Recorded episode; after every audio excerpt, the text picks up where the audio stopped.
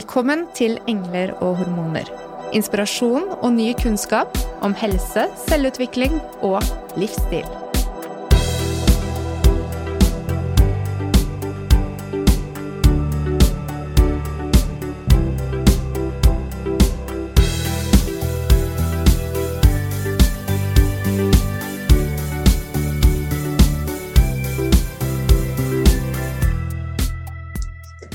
Mars er måneden der vi setter ekstra fokus på endometriose. Endometriose er en sykdom som rammer 10% av kvinner i fertil alder. Og hos disse kvinnene finner man vev som ligner slimhinnen i livmoren, utenfor livmoren. Det er mye som bør sies om endometriose.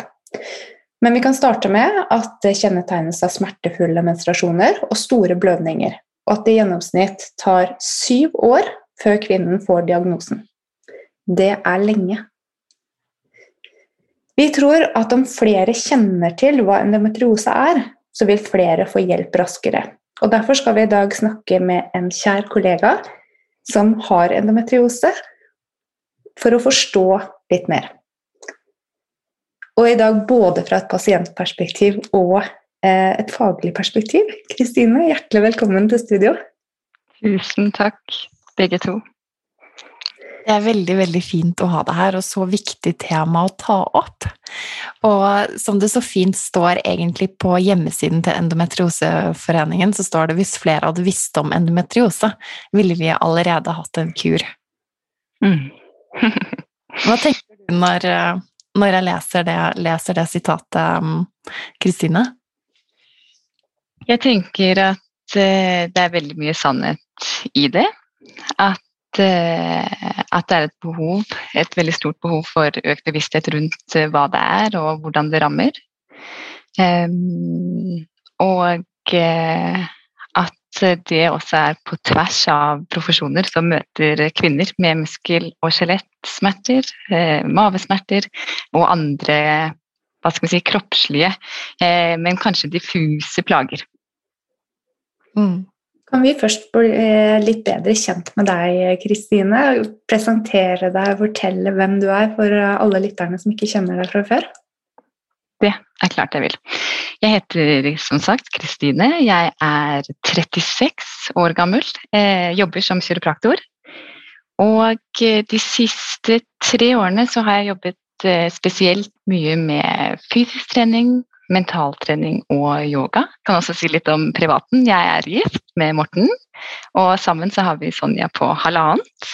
Um, og veien dit, den har vært, altså veien til barn, har for vår del vært lang, humpete eh, og tidvis veldig smertefull. Eh, primært fysisk, men som følge av de fysiske plagene så har det også vært smertefullt psykisk. Eh, og det hele det snurrer jo og startet med endometriosen, som er det vi skal snakke om i dag. Ja, Kristine. Eh, Skogseid, sånn for å fullføre det. Det er noen som har lyst til å lete deg opp etterpå. eh, vi vil jo gjerne høre om hva du har opplevd i møte mm. med endometriose. Så um, kanskje vi kan starte med begynnelsen, altså før du visste hva det var. Eh, mm. hva, hva, er det du opplevde? Opplevde eh, som skjedde med kroppen din. Eh, og når skjedde det? Kanskje du kan bare dra den selv? Ja. Eh, vi må tilbake til 2014. Eh, jeg bodde, eller vi bodde i København på det tidspunktet, og eh, som jeg nå nevnte innledningsvis, så, så, startet det med vårt barneønske. Eh, så jeg sluttet på p-piller. og faktisk bare to måneder etter så begynte jeg å få ganske uforklarlige smerter. Eh, og eh, det artet seg sånn at eh, altså Det første jeg husker, er at vi gikk ute en søndag, og så plutselig så fikk jeg noen sånne voldsomme jag i lysken. Det startet kanskje opp i magen, men, men det føltes veldig ut som eh, ja, mave-lyske som gjorde at jeg hadde problemer med å stå oppreist. Eh, og så kom og gikk det. Og det var det som var det veldig hva skal vi si, vanskelige i det, at jeg klarte ikke å se noe mønster. Eh, og det til tross for min bakgrunn som jeg hele tiden liksom leter etter en årsak. Eh, så hadde jeg hatt en diskusprolaps ikke så lenge i forveien, så jeg tilskrev det i starten å være sånn senkompensatoriske plager fra det. Ja. Eh, veldig rasjonelt. Sånn veldig rasjonelt. Ja. ja, ja, ja. Og jeg måtte jo, ikke sant. Det var jo sånn Ja, måtte jo ha noe hengende på. eh, ja. Men så man kan si som Jeg har skrevet litt og sagt litt om dette tidligere i andre fora, at dere nevnte at innledning, innledningsvis at det tar typisk, eller gjennomsnitt syv år for kvinner å få diagnosen. Eh, og I mitt tilfelle så tok det kun ti måneder. Mm. Eh, men allikevel, altså det var ti veldig ulike måneder. Så de første symptomene de satt hvor jeg nettopp sa, og så eskalerte det ganske raskt. Så etter to måneder så, så, var det egentlig som at store deler av høyre eh, buk sto i flammer, altså. Og Var det bare når du hadde menstruasjon, eller var det imellom menstruasjon også? Hva opplevde du der? Den gang så var det eh, relativt få dager av gangen, men jeg skjønte ikke at det var syklisk Nei. før det gikk lenger tid. Mm. Så jeg trengte liksom å, å, ha noen flere måneder å henge det på for at, eh, at jeg skulle se den sammenhengen. Og da, altså som om buken på høyre side sto i brann. Mm. Og hva gjorde det med deg? Eh, fordi Var du student på det tidspunktet, eller jobbet du? Nei, jeg jobbet. Jeg jobbet. Så jeg hadde jobbet i tre, godt og vel ja, nesten tre og et halvt år. Så nei da, så jeg hadde, hadde masse å gjøre. Eh, så hva det gjorde med meg Det, eh, det gjorde det jo vanskelig å jobbe. Mm. Og én eh, ting var det fysiske. Eh, eh, og så var det etter hvert også liksom usikkerhet om når smertene skulle, skulle komme. Mm. Ja. Um, mm. I, i forberedelsene da, til denne episoden her, så skriver du så fint liksom, om intuisjonen din, og hvordan du grev smertene dine før du fikk en diagnose. Uh, har du lyst til å komme litt nærmere inn på det? For det var jo veldig treffende hvordan du beskrev disse uutholdelige smertene som du opplevde syklisk. Mm. Ja, altså jeg syns nok det er ekstra interessant, og, og, og, akkurat som dere altså Språk rundt smerte er, er viktig. Eh, og når jeg har reflektert rundt det nå i forbindelse med episoden, så er det som dere sier, jeg hadde et eh, jeg valgte noen helt spesielle ord for å beskrive smerten til, til de rundt meg og i møte med helsepersonell. Eh, og det var nettopp denne følelsen av at bukhinnene sto i flammer. Eh, og jeg var også ganske tydelig på at altså jeg følte at jeg blødde på innsiden. Mm. Og så var det en av jentene som minnet meg på det, det hadde jeg glemt, men at jeg også sa at altså, det var som at jeg hadde grus i magen. En sånn, sånn mm. veldig, veldig sår følelse. Eh, så eh, ja, de som jeg nevnte, så tilskrev jeg det ryggen til å starte med, men det ble ganske raskt. altså som sagt Etter et par måneder så var det helt tydelig for meg at det ikke var ryggen. Fordi det var ulikt noe annet jeg hadde opplevd. Og da hadde jeg jo litt erfaring med ryggplager eh, selv, men selvfølgelig også fra, fra klinikken. Eh, så dette med språk rundt smerte, det opplever jeg som viktig både eh, For de som, altså, som behandlere, så søker vi jo ofte at pasientene skal bruke eller svare på noen spesifikke karakteristika rundt smerte, men som pasient så, eh, så er det også noe ja, nettopp intuitivt kan være rundt måten jeg velger å beskrive det på. Mm. Var det noen som på en måte plukket opp de ordene du beskrev, og smerten som du opplevde? Altså sånn, ja, du beskrev det jo så tydelig. Ja. Nei, det var egentlig ikke det. Um, det var egentlig ikke det. Um, fastlegen min, hun i Danmark, hun um, visste ikke hva det var. Hun var faktisk ganske åpen på det, uh, og det gjorde at, uh, at Jeg tror det var med på å gjøre at vi hadde et veldig ålreit forhold. Eh, fordi hun var veldig tydelig på at hun ville hjelpe meg, men at hun ikke visste helt eh, hvordan. Um, og så var jeg jo via en gynekolog ganske mange ganger, og hun var ganske bestemt på at det um, Også den gang jeg hadde liksom begynt å tenke at det kunne være endometriose, at det ikke var det. Fordi at min primære plage satt oppe i buken. Um, som det jo kan gjøre hos mange, men uh, det utløste ikke noen hva skal vi si, røde flagg den gang. Mm. Hva tenker du om det i etterkant, Kristine, nå som du sitter med kunnskapen om eh, hva som var utfordringen? For det er jo gjerne altså Man tenker jo at det er hos gynekologer at vi får vite om vi har endometriose eller ikke. Ja, hva tenker jeg om det? Jeg tenker at det er en veldig eh, Jeg tenker at det kan være en veldig vanskelig lidelse å oppdage tidlig.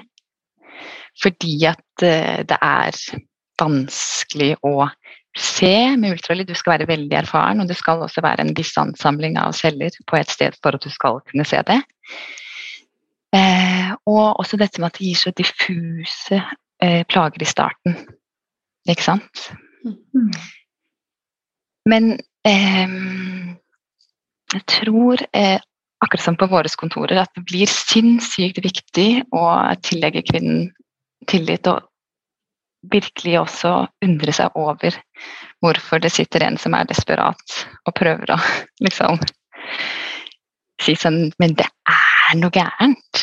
Mm. Det er jo ingen som vil ha det sånn. Men når det hadde gått da Da er vi sånn ca. halvveis inn i forløpet før du fikk diagnosen. Ja. Um, så jeg er veldig nysgjerrig på hvordan det utviklet seg før du fikk diagnosen. Fikk du ytterligere utfordringer, større smerter? eller ble det Ja. ja. Eh, absolutt, det gjorde jeg. Så smertene ble eh, Jo lenger tid det gikk, jo eh, lenger varte de av gangen. Så hvis de var sier jeg, to-tre dagers varighet til å starte med, så økte det dagene i omfang. Og smerten økte i omfang. Mm. Eh, og altså, det var helt umulig for meg å, å Hva skal vi si tenke de bort. og rette fokus eh, mot noe annet. Jeg prøvde jo iherdig, men det var ikke Det funket ikke spesielt godt. Eh, så min desperasjon vokste jo også.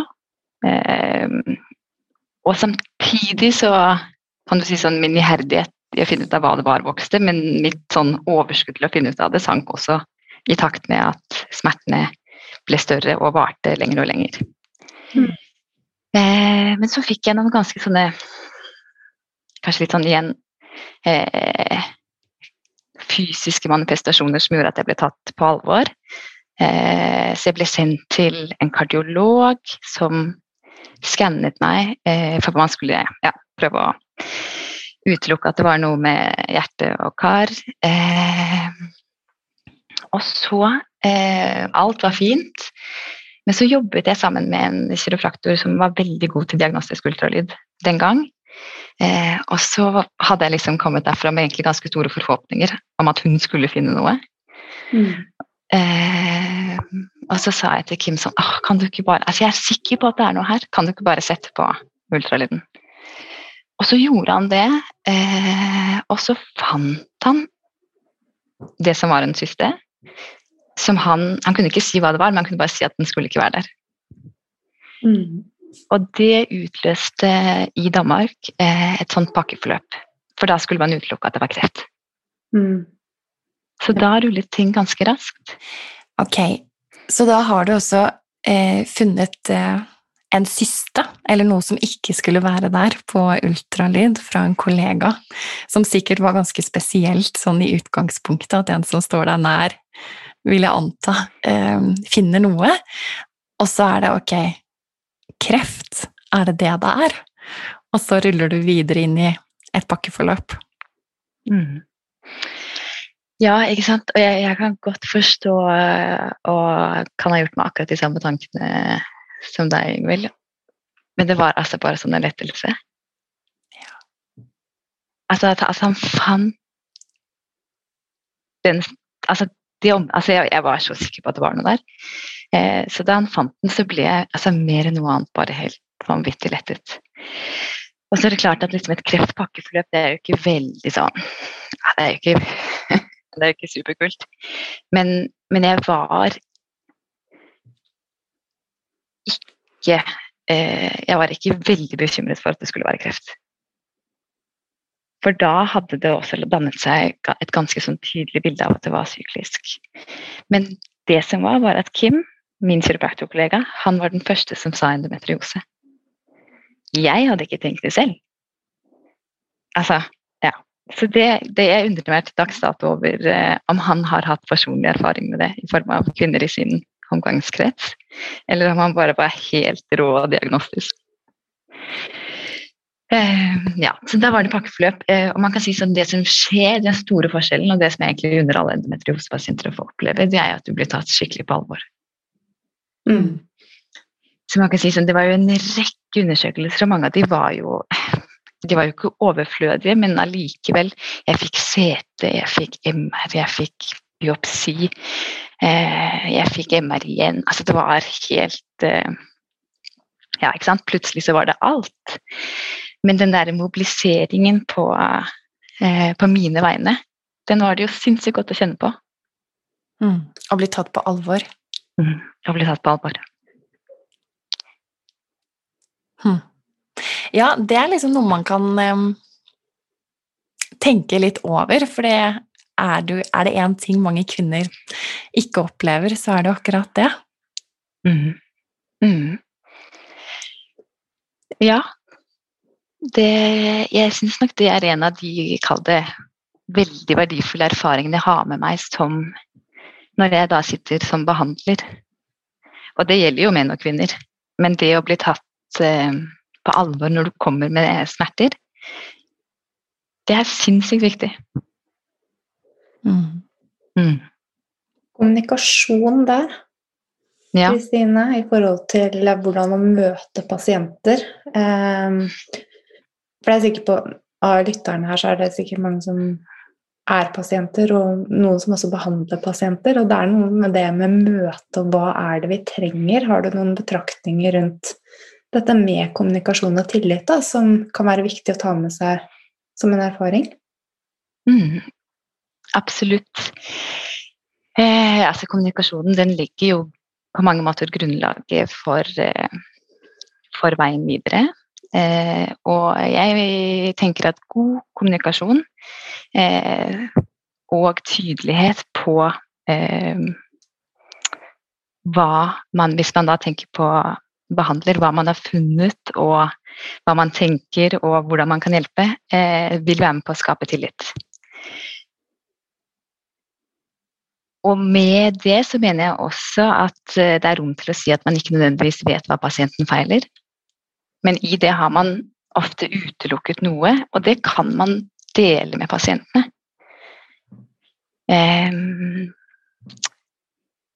og eh, det å kalle det liksom ta hull på den eh, usikkerheten som for mange ligger der. Eh, enten ved å si som jeg er av den overbevisning at det er dette, med bakgrunn i hva du har fortalt meg.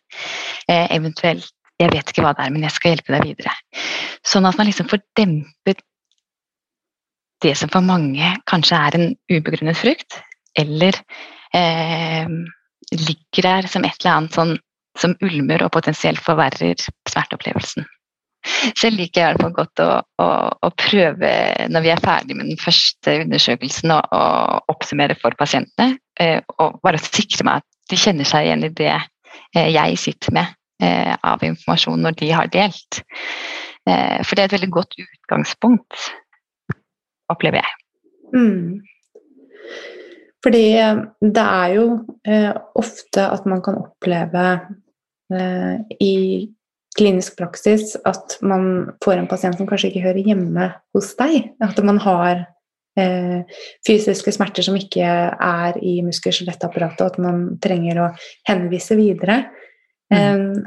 Men også det at man gjør en type behandling som ikke gir effekt. Og mm. disse kvinnene har jo da ofte en lang Altså kvinner med endometriose eller andre kvinnehelseplager som man ikke har fått diagnose på, de kan gjerne ha en sånn lang behandlerhistorikk.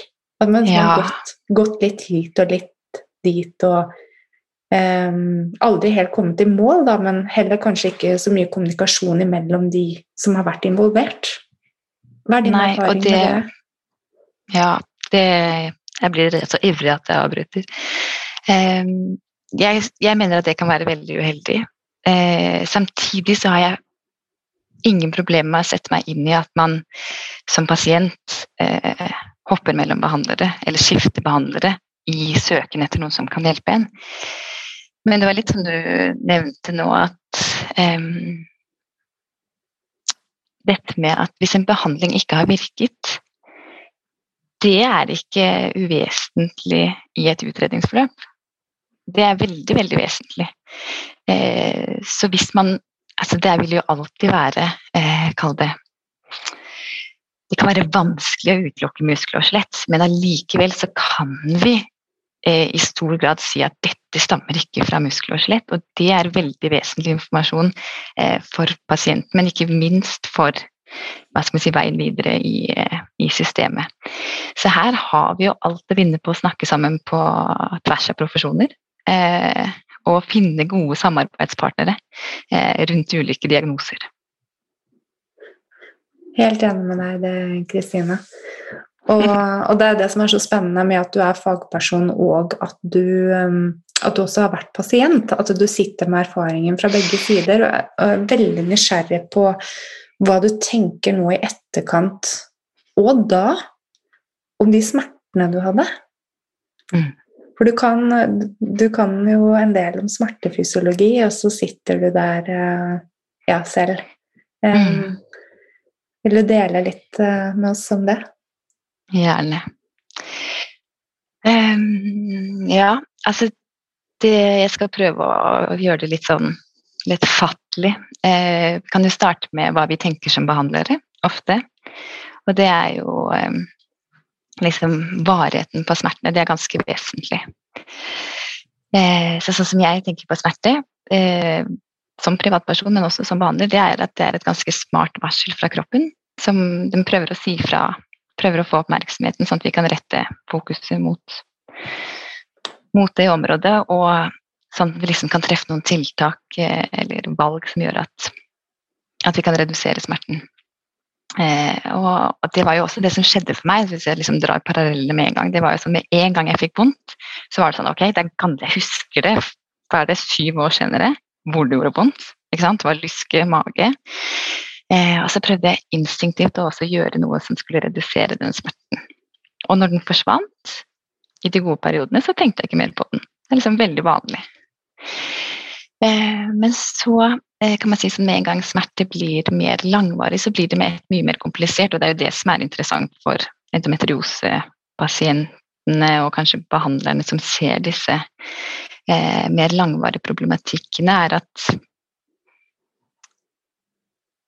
det blir med ett mye mer komplisert. Mm. Fordi at den smerten eller det varselet det er ikke lenger hensiktsmessig på samme måte. Eh, og så er det sånn at eh, du kan oppleve eh, smerten som voldsommere selv om stimuli er like lite eller mindre stimuli kan gi stor smerte. Eh, og det opplevde jeg til de grader at uh, det var som at uh, det liksom bare bygget, bygget, bygget, bygget på seg. Eh, og det var veldig vanskelig å kalle det navigere i det og også kalle det forklare det til meg selv og omgivelsene. For da er vi jo inne på type smertespiral, ikke sant? Og at det blir mm negativ, negativ, effekt, og som du sier, med denne terskelen som blir lavere og lavere. Og, og vil du komme litt mer inn på hvordan var det denne smerten egentlig påvirket hele deg og ditt liv? Altså, dette med å ha vondt over så lang tid, det, det gjør som sagt noe med evnen til å, til å tåle det. Eh, så eh, ved har så mye fysisk vondt, så, så, kaperer du rett og slett mindre. Eller jeg gjorde det, og det gjør veldig veldig mange. Så du blir liksom nødt til å skru ned for eh, ting du ellers har eh, sett på som en selvfølge og har trivdes godt med, som Eh, jobb, sosiale relasjoner, eh, initiativ. Eh, den slags. Eh, det krever for mye. Det er eh, ja, energikrevende å ha så mye vondt. Så jeg vil si at min mentale kapasitet den sank ganske betraktelig. og kanskje, jeg vet ikke om det var lineært, men i takt med at smerten økte, da. Innledningsvis så, så pratet du jo litt om hvordan dine venninner også prater om eh, tiden da du hadde så mye smerter og hadde så mye vondt. Mm. Så du hadde liksom evnen til å prate med dem om det. Du, du, ble på en måte ikke helt isolert, for det tenker jeg jo kan være en ganske sånn naturlig del av det at med langvarige smerter så trekker man seg også mer og mer unna. Ja, og, og jeg Altså, min opplevelse er jo at jeg gjorde det. Ja. Samtidig så vet jeg at uh, noe av det som gjorde at jeg tålte å stå i det, var at jeg turte å holde fast i de i noen av de relasjonene. Eh, og det var jo ikke sånn at jeg følte på veldig mye mestring eh, rundt det da, men, men, jeg kan godt se hva det er de mener når de sier det eh, i dag. Eh, det, eh, det, er eh, Dette her har jeg snakket mye om med mange tidligere, at dette med tilhørighet og fellesskap, det er noe av det aller, aller viktigste vi kan ha fokus på. Både hva skal vi si, for å forebygge fysiske og psykiske plager, men ikke minst for også å ha et nett hva skal vi si, et, Ikke et nettverk, men hva heter det? Et, eh, et lag av støtte når, når ting røyner på. Da. Mm. Um, og så vet vi at disse langvarige jeg har eh, valgt å si langvarige framfor kroniske, fordi at kroniske liksom tilsier at man ikke skal kunne komme ut av det. Og det er håp for de aller fleste, og hva skal vi si, veldig veldig mange endometriosepasienter opplever også å få det bedre. Eh, mye bedre. Det gleder vi oss til å høre mye mer om, for det ja. del egentlig av denne episoden, da, Kristine. For i dag ja. lever du jo et, et eh, tilnærmet eh, normalt og absolutt et godt liv. Ja, er du gæren? Ja, ja, ja. Jeg vil si liksom godt det er å underdrive. et veldig, ja, veldig, veldig rikt liv. Ja. Mm. Den erfaringen eh, som du har lagt eh, bak deg, eh, gjort med din oppfattelse av eh, livet her og nå? Um, altså, jeg tror eh, jeg, var, jeg var en livsnytter tidligere. men, eh, men, det er helt klart Altså, det har jo gitt, eh, gitt meg noen erfaringer eh, som, som jeg har vokst enormt mye på også. Eh, og det har nok vært en av mine kalde forskjeller i eller styrker i, i, dette. At jeg liksom har en sånn veldig vilje til å ville ha det bra. Og, og et sånn grunnleggende håp om at at det også skal gå bra. Eh, men eh, altså det har jo gitt meg en helt annen innsikt eh, og empati overfor hva skal vi si, Og det er veldig mange av disse eh, følelsene som jeg har kjent på i forbindelse med eh, hva skal vi si, smerteutfordringer og ufrivillig barnløshet, som går igjen i andre vanskelige ting i livet. Skam, sorg, skyld. Så følelsene, grunnfølelsene som blir satt i spill, er, er ganske sånn kjent i mange kall det tyngre problematikker. Så det Jeg har liksom fått lov til å bevege meg rundt i det landskapet, og så har jeg kommet ut på andre siden. Mm. Mm. I forhold til um, at du sluttet på p-piller for å prøve å få barn, mm. så sa du uh, også tidligere til oss at det gikk fra å skulle fokusere på å bli tre til å bare handle om deg. Mm. Og den prosessen da som snudde fra det å skulle prøve å bli tre, til at mm. du skulle finne ut hva er det som feiler deg.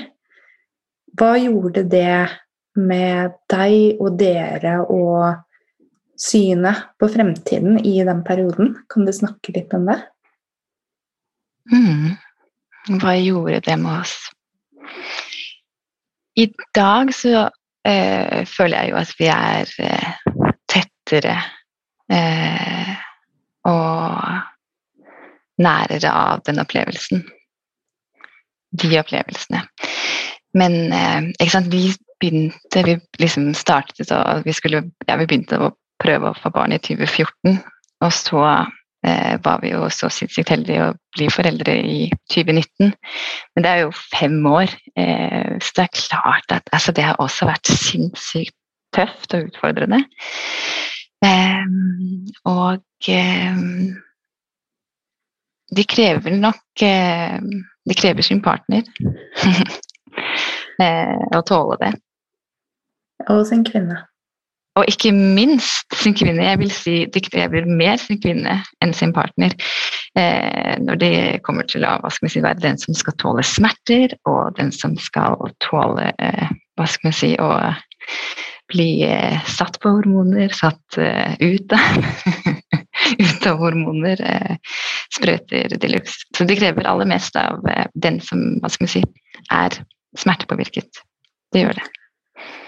Det er jo mange som får denne diagnosen som har nettopp dette som kanskje sin største frykt. Mm. Fordi de får lese seg til eller får beskjed om at dette kan gjøre det utfordrende å få barn. Mm. Har du ja, noen gode ord til de? Altså, jeg skjønner at det er vanskelig, men du har jo gått gjennom altså fem år. Det er lenge å prøve å få barn, altså jobbe med å komme dit dere har kommet nå. da. Mm. Ja, eh, jeg tror på at mange av de som hører på nå, som ønsker seg barn, skal få barn. Men jeg kjenner meg også ekstremt igjen i den som sitter og hører på nå, eh, som hører på en som har fått barn. Mm. Det er ikke sikkert at det gir veldig mening for dere, men jeg husker altså Det er mange podder jeg har hørt på om folk som har vært i Enten har de hatt endometriose, eller så har de hatt depresjon eller angst for disse tingene. har jeg også vært innom som følge av én smerte, men også si, hormoner i forbindelse med å prøve å bli gravid. Eh, og hver gang jeg liksom hørte det, den lykkelige historien, så å, Jeg kjente så inderlig på at det liksom ikke var noen garantier. Samtidig så kjente jeg så inderlig på at det var håp. Ja. Og det har liksom vært det jeg har Det har vært mitt anker hele tiden, sammen med Morten. Eh, men håpet har liksom vært en sånn veldig personlig ting også. Eh, og det er liksom godt og jeg mener at det er ikke motsetninger, men liksom det har gått hånd i hånd med det som for meg Den verste følelsen for meg oppi hva skal si, disse årene, det har vært sorg. Mm. Jeg liksom fant det ut av. Um, at det var liksom sånn bunnløst sort til tider, og det var rett og slett en sorgnovel, det barnet som ikke var. Mm. Eh, nå har vi beveget oss litt fra, vekk fra dette, hva skal vi si, fra smerten, da, men, eh, men så har det også vært håp. Og jeg har vært veldig god på å kultivere det håpet. Eh, jeg har vært god på liksom å vanne det og gi det oppmerksomhet. Og jeg har gjort ting som jeg har opplevd som konstruktivt, som også til dels har forankring i noe forskning, men i, alle, altså i stor grad i fornuft. Eh, og så har jeg lent meg på denne intuisjonen som vi snakket litt om tidligere. Mm. Hva var det den intuisjonen fortalte deg, annet enn at du opplevde um, at noe ja, Grus i magen og den eh, brennende smerten mm. var, mer, var, liksom, var mer sånn oppløftende, var det du kjente? Ja. For meg var det veldig, veldig viktig å prøve å leve et godt liv her og nå. Så jeg var ganske god på å styre tankene mine i forhold til ikke å se så langt fram i tid. Eh, jeg har heller aldri hatt femårsplaner eller tiårsplaner. Men eh, Så det spente liksom ikke så mange ben i forhold til at jeg skulle være 30 da jeg fikk barn, 35 da jeg gjorde ikke sant? Jeg hadde ikke disse tingene. Eh, men jeg har liksom hatt veldig fokus på at jeg også skulle ha det bra nå. Selv om jeg hadde det vondt, og selv om jeg hadde et sånt uforløst ønske eh, om noe så stort som å få barn. Ikke sant? Jeg vil så si at det vært umulig å ha det godt når jeg hadde så vondt, men de periodene hvor jeg hadde det ok, så var det det jeg fokuserte på. Hva var det du prioriterte eh, i de ok periodene? Hva, var det, hva var det som liksom ble vendepunktet ditt, på et vis, hvis man kan bruke det uttrykket? Eh, ja, her må vi helt klart eh, skille. fordi at jeg har jo vært ekstremt heldig i forhold til endometriosen, fordi at jeg har eh, hva skal vi si, hatt mye kunnskap om eh, Nå hadde jeg litt problemer med å formidle det tidligere, jeg har hatt mye kunnskap om, om, hva skal vi si, om smerte og hva kroppen eh, kan og skal, eh, si det. Eh, og så møtte jeg en som traff ganske raskt på med dette med diagnosen, og så ble jeg operert. Mm. Så jeg var heldig fordi at jeg fikk brutt den smertesirkelen ved en vellykket operasjon. Eh, så flyttet vi til USA fordi Morten skulle ha en toårig forskerstilling der borte. Så der fikk jeg også en pause, og der kom vendepunktet. Mm. Fordi der begynte jeg å liksom eh, tenke hva kan jeg gjøre for å holde denne inflammasjonen, som jo er liksom endometriosens kanskje største driver for smerte. Hva kan jeg gjøre for å holde den nede? Eh, så da begynte jeg å Da si, da gikk jeg all in på mat. Og uh, trening som funket, uh, funket, for meg. Vil du ta oss videre inn i denne prosessen? Eh, ok, så vi, Litt kontekst. Vi flyttet til Syd-California. Eh, så det var jo eh, et mekka for, eh, for, dette fokuset som jeg hva skal man si, ønsket å ha i forhold til tilgjengelighet til ferske og gode råvarer.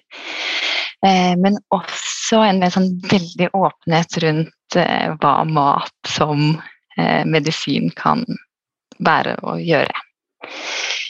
Eh, så jeg hadde et sinnssykt bra bibliotek rett ved der hvor vi bodde. Så der eh, lånte jeg egentlig hva skal vi si, alt jeg kunne komme over av eh, eh, både liksom kokebøker, men også litteratur som har skrevet om hvorfor eh, og hvordan mat påvirker oss. Mm. Så jeg tror nok det startet liksom for min egen del med et sånt lite paradigmeskifte i forhold til eh, hva man kan spise til frokost, hva man kan spise til lunsj eh, og middag. Kanskje ikke så mye, men eh, både i Norge og i Danmark som jeg bodde, så er vi jo veldig sånn Frokost gjør du på en måte, lunsj ligner ganske mye, og så, middag. jeg brukte kjennskapen til min egen kropp og, og tuna ganske inn på hvordan det føltes når jeg spiste de ulike tingene. Vil du komme litt nærmere inn på det? Liksom, hvordan det føltes for mange, så kan, det, kan jo det være vanskelig, kanskje? Og liksom kjenner ja. hvordan, hvordan er det denne maten får meg til å føle? Ja. Hvordan får denne nøtten meg til å føle det? Ja, ikke sant? Det er kjempebanalt. ja, ja, men så viktig, da, tenker jeg. Ja, ja, ja det er veldig, veldig viktig. Um, for det første så tror jeg liksom sånn om å Dette her er jo så mye annet. Altså prosesser som du, er nødt til å liksom vie deg til det over noe tid. Det er ikke sånn du spiser ikke noe en dag og så bare Å, hvordan følte jeg meg av den? Eh, det er liksom det er det der å starte å vende oppmerksomheten mot at ok, mat kan få meg til å føle noe. Liksom det har, denne matvaren her har potensial til å skape en endring i meg. Jeg syns jo det er sinnssykt kult, og jeg syns, um, jeg syns vi har liksom Jeg syns det ligger veldig mye håp der, da. Det var kanskje der det startet for meg. Så for meg var det sånn prøve å dempe inflammasjonen, sånn at endometriosen liksom ikke får lov til å feste seg igjen, og øker sjansen for å bli gravid. Um, nei, så jeg begynte vel eh, Det var veldig lett, fordi at eh, der borte så De hadde ikke noe brød. Eh, og vi hadde gassovn, det var kjempevanskelig å bake. Så det var liksom kanskje den første tingen jeg kuttet. Og da måtte jeg jo erstatte det med noe for å, for å føle meg mett. Eh, så jeg gikk jo fra et veldig sånn, det brødbasert kosthold til et grønnsaksbasert kosthold. Mm, og etter hvert så så frokostene våre ut som ja, en salat. Men eh, det funket som bare det. Så jeg spiste et egg på en seng av spinat med litt dampet brokkoli, avokado, blåbær, litt gresk yoghurt og granola. Og altså, det tok jo tid å komme dit. Eh, det tok også tid å spise det. Eh, så i dag spiser jeg jo litt annerledes, fordi at dette her er veldig veldig viktig. Du må liksom tilpasse det tilværelsen.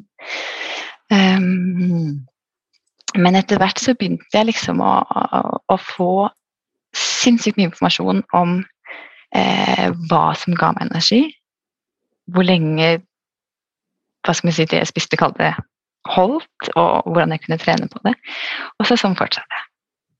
Og fortsatte og fortsatte. og fortsatte. Så jeg lærte jo helt enormt mye, eh, samtidig som jeg trivdes helt ekstremt. Eh, I form av fravær av smerter. En sånn mental kapasitet som jo hadde vært sterkt redusert, som jeg opplevde eh, at jeg liksom bare var på. På en helt annen måte. Og kom trening og aktivitet også inn der? fordi Du har jo nevnt det flere ganger at det er viktig for deg, men hvor viktig er det i forhold til eh, smerteopplevelsen når du hadde vondt, og for å holde deg eh, ja, smertefri etterpå? Har du noen tanker om det? Jeg trente nesten ingenting eh, da jeg hadde vondt. Mm. Mm, og det er jo også, det altså noe jeg skulle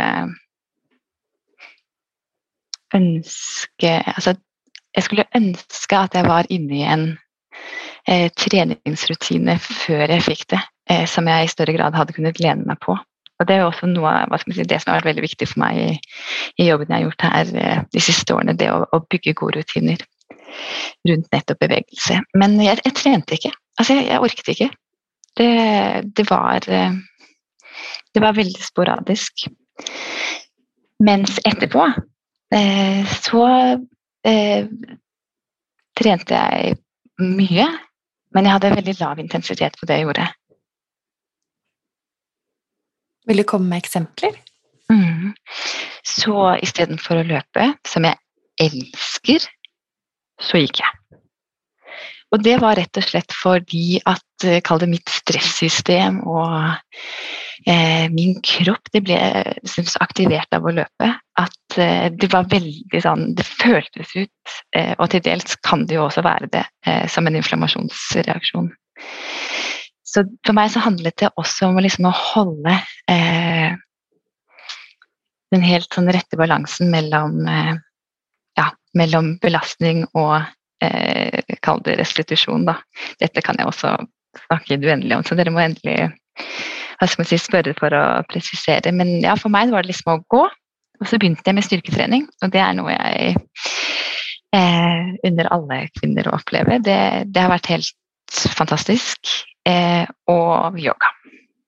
Mm.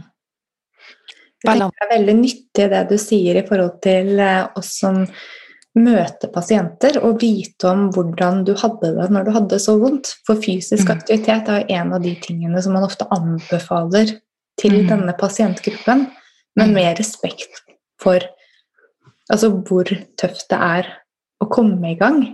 Mm. Um, fordi um, som du sier, altså, hvis man legger terskelen lavt, så Tror du at du hadde hatt mulighet, hvis du hadde hatt riktig person til å veilede deg når du hadde så vondt, til å gjøre noe? Ja, altså i langt større grad så tror jeg jo på det nå.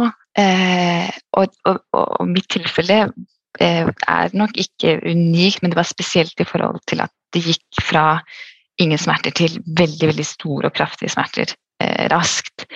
Så for mange så finnes det kanskje en mulighet i, eh, i de periodene hvor man har hva skal man si, en smerte som man tolererer. Eh, men det er klart at det å ha en som eh, er god til å styre intensitet eh, Trenger ikke nødvendigvis engang å ha progresjon, trenger bare liksom å ha en viss kontinuitet. ha en som kjenner deg på dette her. Jeg tenker at det er kjempeverdifullt. Jeg håper at det skal inngå i et pakkeforløp til endometriosepasienter på et tidspunkt. Ikke sant? For at alt dette her må jo individtilpasses. Mm. For det er, det er, så store og ulike forskjeller, og vi vil jo også ha ulik inngangsvinkel. ikke sant? Det er ikke alle som har erfaring med trening. Jeg ser tilbake og jeg tenker at eh, graden av smerte og omfang av dager det, Jeg trengte å hvile når jeg ikke hadde vondt. Mm. Og det er veldig veldig viktig å ha fokus på også, restitusjonen. Altså Kvalitetshvile. Kvalitetshvile. Mm. Det er der vi blir bedre. Kan jeg stille spørsmål eh, om hvordan det føltes å få positiv graviditetstest etter så lang tid? Altså, Mona, det er det sykeste at du spør om det. Jeg har tatt så mange graviditetstester opp igjennom disse fem årene her. Og jeg har aldri sett to streker. Og jeg tok den heller ikke med Sonja. Altså, det er helt, det er helt, helt sprøtt. Men vi var jo eh, i et forløp på Rikshospitalet, det er der vi har fått hjelp. Um, og så ble Ja, så vi hadde uh, et oppsett av denne hva skal vi si, eneblastocysten, som var det vi kalte satt igjen med etter egguttak og befruktning. Så var det ett befruktet egg som var godt nok.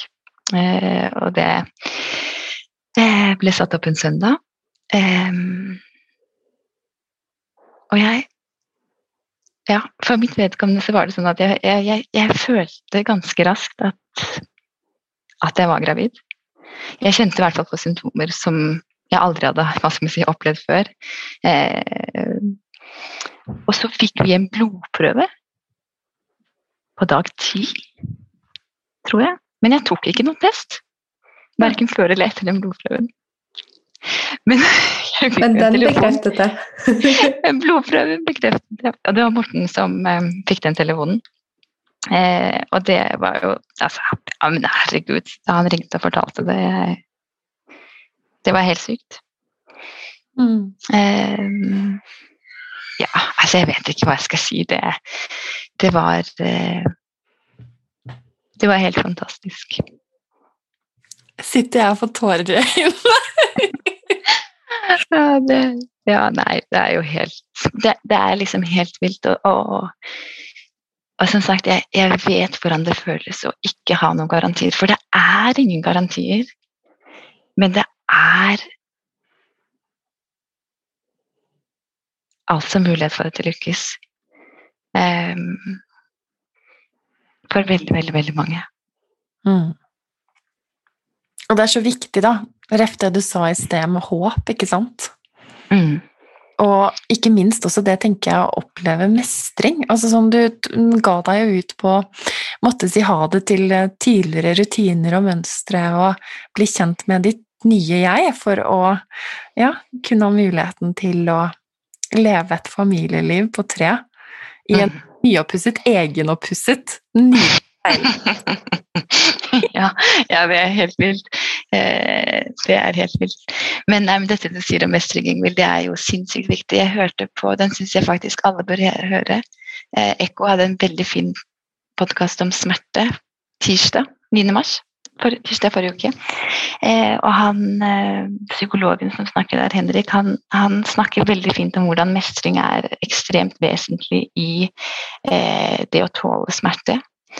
Um, og hva skal vi si, en langvarig smerteproblematikk. Altså hvordan Det skjedde jo for meg også mange ganger. Jeg var i bryllup hvor jeg måtte liksom gå og legge meg under middagen. Jeg var i, på fest hvor jeg liksom Ja, du vet Lå på sofaen. Jeg, jeg har hatt utallige middager hvor jeg selv har ligget på eget stuegulv. Altså, sånn, jeg prøvde så inderlig å holde fast i det som ga meg noe, men det var så jævlig vondt. ikke sant?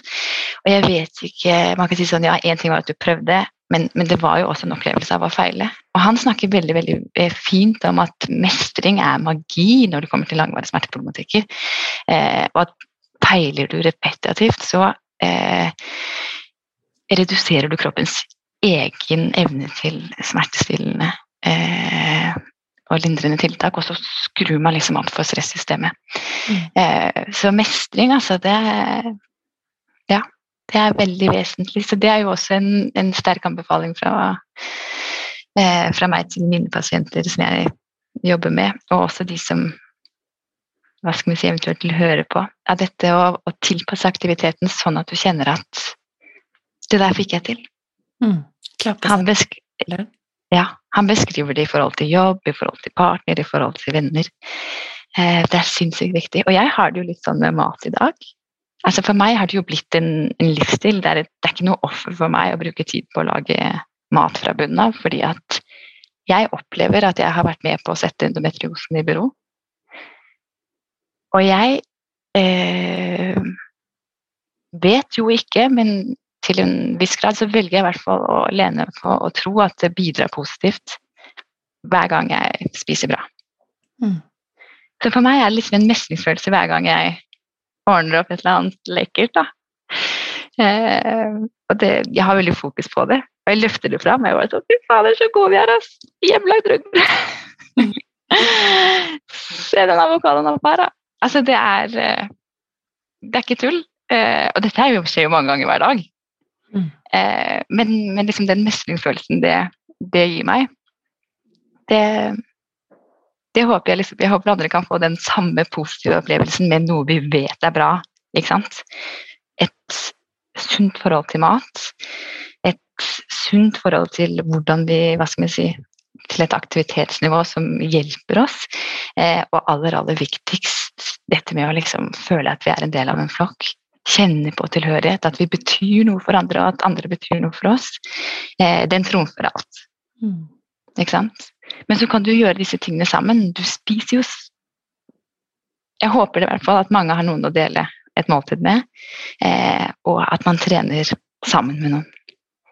Og så måten du sier det på, Kristine, med at du er så bevisst på å, um, å gi den positive feedbacken til deg selv også i det du gjør som er bra for deg. Det liksom, der ser jeg mentaltreneren i deg. Og det, og det, er noe, det er jo med på å skape positive hormonreaksjoner og forsterke opplevelsen, det også. Så, så der, der, der tar jo mestringen en helt ny dimensjon, tenker jeg, når man er så god. Ja, men du, ja, du har veldig rett i det, Mona. At uh, altså det blir selvforsterkende positive effekter av å gjøre noe positivt. Eh, og eh, eh, dette kan man jo lære seg. Jeg, jeg har jo liksom lært det på den harde måten, og det samme gjør endometriosepasienter og barn, eller folk som er ufrivillig barnløse, og i enda større grad vil jeg si de som er uforklarlig ufrivillig barnløse. Jeg har hatt endometriosen å lene meg på. Jeg har liksom hatt en årsak. Og ved IVF så ga det plutselig veldig god mening hvorfor det ikke har lykkes for oss på naturlig vis. Men det er klart at liksom jeg leter og har gjort det hele tiden etter noe positivt i det som er elendig. Eh, eh, og jeg er jo sinnssykt glad for at dere spurte om jeg ville være med og snakke om dette, fordi at det har også vært min måte å tåle det som har vært vanskelig, bedre. Det har jo vært å dele det. Så jeg slår jo et slag, eller hundre, for åpenhet. Fordi at eh, de relasjonene som skapes i Kall det motvind, da. Eh, de er laget av noe helt særlig, ikke sant? Du kutter vekk veldig mange lag som kan være der ellers. Eh, og det gjør disse møtene mye, mye mer rå. Så for, altså for meg å få være her og liksom snakke med dere om det nå, og, og også tenke på at det er liksom mange andre som skal høre det altså Åpenheten har hjulpet meg enormt. Jeg vet at det er mange som ikke føler det naturlig, som syns det er vanskelig, og det respekterer jeg. Men jeg oppfordrer folk til å prøve.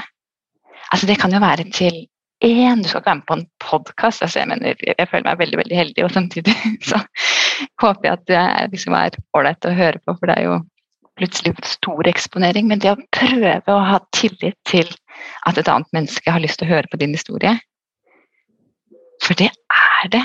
Det, er, det har også vært så verdifullt. Mm. Og det er verdifullt for oss. Tusen takk. Tusen hjertelig takk, Kristine, for at du er med i vår podkast, og for at du deler din historie. Som jeg er helt sikker på kommer til å være til inspirasjon for veldig, veldig mange kvinner. Vi skal jo lage en, uh, en episode som kommer uh, senere i mars uh, med gynekolog og forsker på nettopp dette temaet. Og hun var egentlig veldig lei seg for at ikke hun kunne være med inn i samtalen vår, Kristine. Hun hadde lest artikkelen din i Endometrioseforeningen. Så kult. Det hadde vært kjempespennende. Jeg skal snakke med Marianne på et annet tidspunkt, det er jeg helt sikker på. Men det hadde vært veldig, veldig Veldig gøy. Jeg er helt enig med deg, Kristine. Disse samtalene de må bare fortsette. Og eh, vi er stolte over at du tok din podkastdebut her hos oss. Og av alle dere som sitter der hjemme, så er det altså 10% av kvinner i fertil alder som har utfordringer med endometriose. Snakk om det. Del gjerne denne episoden med noen som kan ha nytte av å lytte til den. Og hvis du ønsker å komme i kontakt med Kristine, så finner du henne under at kiropraktor-Kristine på Instagram. Og hun vil også være med oss denne uken i sosiale medier. Kanskje svare på noen spørsmål også, Kristine, hvis det er greit? Absolutt. Herlig. Tusen takk for at du kom hit til oss. Det er jeg som takker. Og tusen Ha det bra. takk. Ha det.